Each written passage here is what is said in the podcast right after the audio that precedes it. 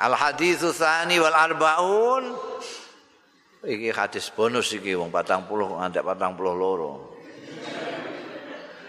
Anak Anasin radhiyallahu anhu saking sahabat Anas radhiyallahu anhu kala ngendika sapa sahabat Anas sami itu mireng sapa ingsun Rasulullah sallallahu alaihi wasallam tak pireng yakulu ingkang dawuh sapa Kanjeng Rasul qala Allah taala iki hadis kutsine dawuh sapa Gusti Allah taala ya ibna Adam eh anak putune Adam Wah ini kuabeh kita hadis didawi Gusti Allah.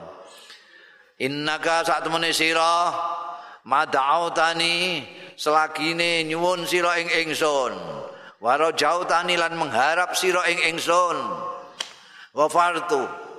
Angka ngapura sapa ingsun laka marang sira. Ala makana mingka ing atase barang kana kang ana ya mamingka saking sira.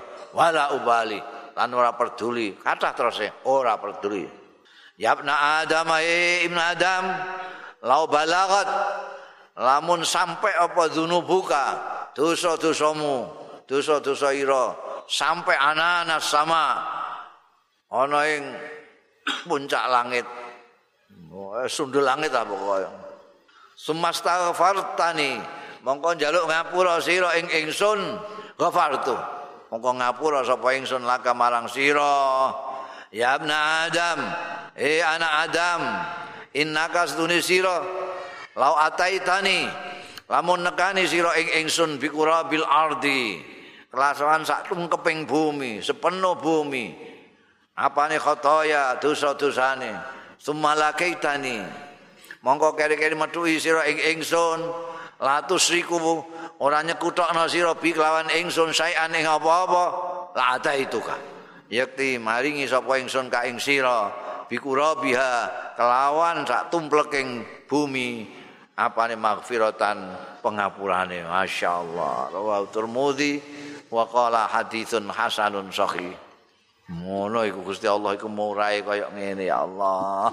Ning gone kawulane sing jenenge Ibnu Adam iku murahe eh eh mulane kuwi madani wong sing dosa. Wong Gusti Allah iku ngajangi jembar ngene. Selagine kowe isih mengharap pengampunane Allah. Isih nyuwun ning gone Gusti Allah Gusti Allah ngapura. Apa yang ada dari kamu? Ndak peduli.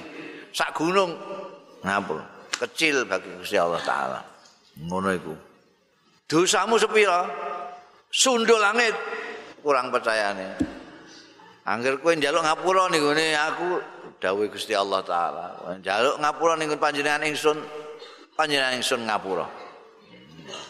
Ono iku.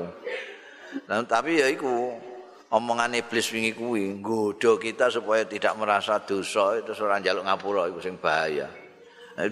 Dosa sepira ae janji kowe gelem njaluk ngapura, di ngapura karo Gusti Allah taala. Kowe duwe dosa Wah, ungkep bumi, masyaallah.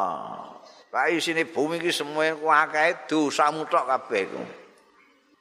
Anggere kowe ketika sowan Gusti Allah taala tidak pernah mensekutukan Allah taala dengan yang lain, dengan apapun. Ngapura kabeh. Sak lumai bumi kei pengapuran sak lumai bumi. Sundulaken pengat paringi ngapura sundulaken. Anggere sitok siji ku sirikane Gusti Allah sitok disekutokno. Auzubillah sekutu iku ya gak iso.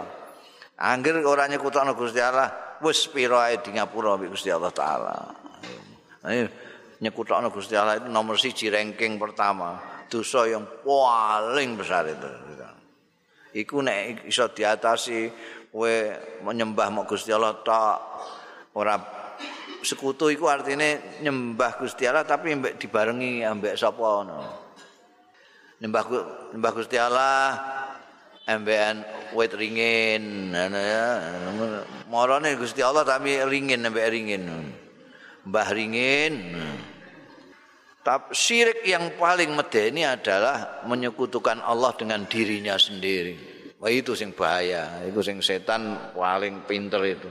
Jadi kita itu kan begitu semangatnya belani Gusti Allah, belani agama Gusti Allah itu kadang-kadang kita harus kemudian merasa Gusti Allah. Itu itu nyekutok hati-hati kowe. Sing mutlak benar itu adalah Allah. Jadi nek kowe merasa diri mutlak benar itu berarti nyekutoni Gusti Allah. Nauzubillah min dzalik. Lho, wis entek iki